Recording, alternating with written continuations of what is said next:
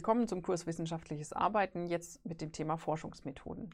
Wenn ihr diese Lektion angehört habt, dann könnt ihr sagen, was Datenerhebung und Datenanalyse ist und wie sich diese beiden voneinander unterscheiden lassen, welche wesentlichen Merkmale quantitative Methoden aufweisen und welche wesentlichen Merkmale qualitative Methoden aufweisen und welche Gütekriterien der Forschung es gibt. Bevor wir damit starten, möchte ich aber erstmal die unterschiedlichen Arten wissenschaftlicher Arbeit voneinander abgrenzen. Zum einen gibt es da Literatur- und Übersichtsarbeiten.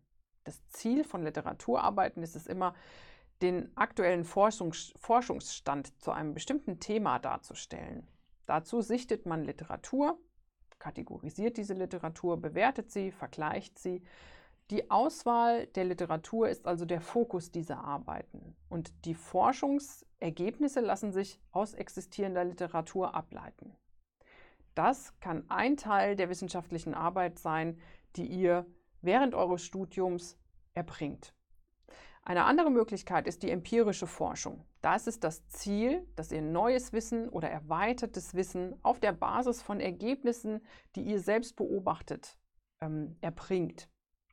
Das Vorgehen hier ist es so, dass ihr geeignete Forschungsmethoden auswählt, je nach Forschungsziel, je nach Forschungsfrage, die ihr definiert.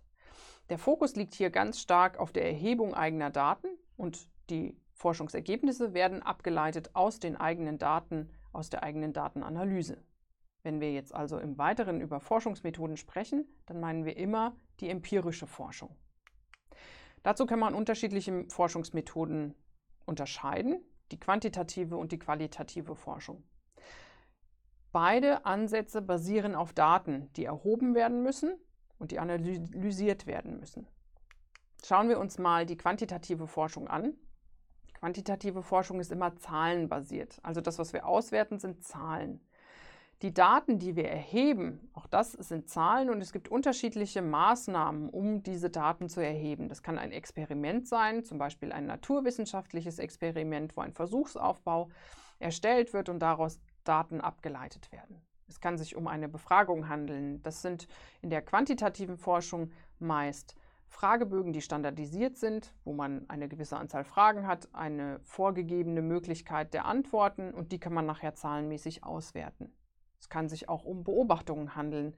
Dann aber meistens so, dass man versucht, bestimmte Verhaltensmuster herauszufinden. Also zum Beispiel, wie viele Menschen kaufen, während sie an der Kasse warten, bis sie an, die, an der Reihe sind, von den Süßigkeiten, die da aufgebaut sind. Auch das kann man zahlenmäßig ausdrücken.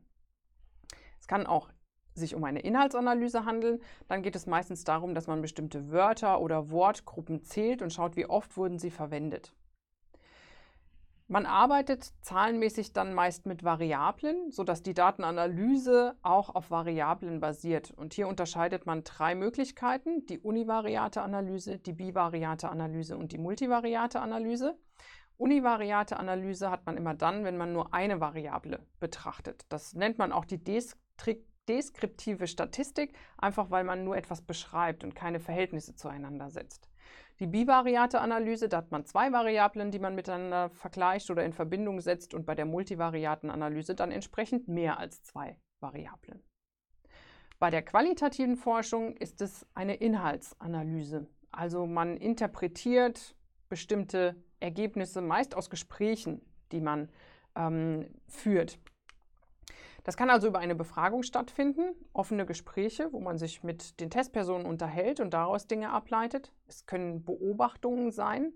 Das ist auch meistens so, dass ähm, man versucht, aus dieser Beobachtung heraus Verhaltensmuster zu erkennen und abzuleiten. Oder hier haben wir Textanalysen. Da geht es darum, Texte zu interpretieren. Die Datenanalyse ist also wesentlich stärker interpretativ.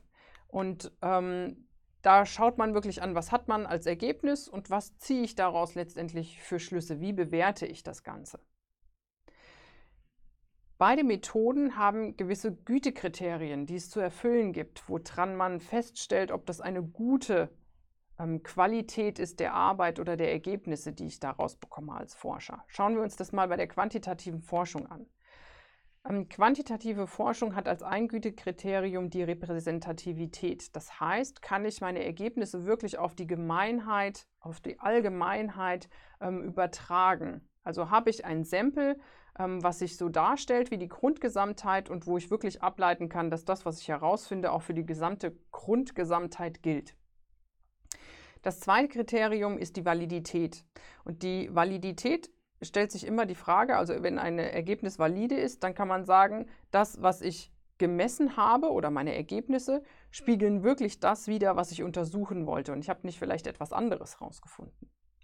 Die Reliabilität ist auch die Verlässlichkeit und ähm, die ist immer dann gegeben, wenn ich das gleiche Ergebnis herausbekommen würde, wenn ich die Forschung nochmal betreiben würde.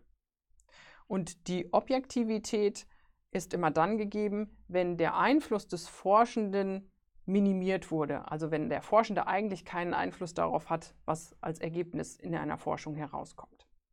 Das ist bei der qualitativen Forschung etwas anders. Ein Gütekriterium der qualitativen Forschung ist die Saturierung. Und ich habe Saturierung dann erreicht, wenn ich kein anderes Ergebnis äh, herausbekommen würde, auch wenn ich jetzt nochmal jemanden befragen würde. Also die zusätzliche Befragung bringt keine Änderung meines Ergebnisses. Dann ähm, kann ich eigentlich mit meiner Forschung aufhören. Verlässlichkeit bedeutet ähm, oder stellt die Frage, ob die Daten konsistent, exakt und widerspruchsfrei erhoben wurden. Nachvollziehbarkeit ist immer dann gegeben, wenn ich die Daten oder meine Ergebnisse und meine Forschung exakt dokumentiert habe. Glaubwürdigkeit ist dann gegeben, wenn ich nachprüfen kann, wie die Ergebnisse zustande gekommen sind. Und die Übertragbarkeit ist dann gegeben, wenn ich unterschiedliche Forschende mit der gleichen Fragestellung, ähm, die, denen die gleiche Fragestellung geben würde und sie würden alle zu dem gleichen Ergebnis kommen. Dann hätte ich ein sehr hohes Maß an Übertragbarkeit. Jetzt haben wir über quantitative und qualitative Forschung gesprochen und beide sind gleichberechtigt.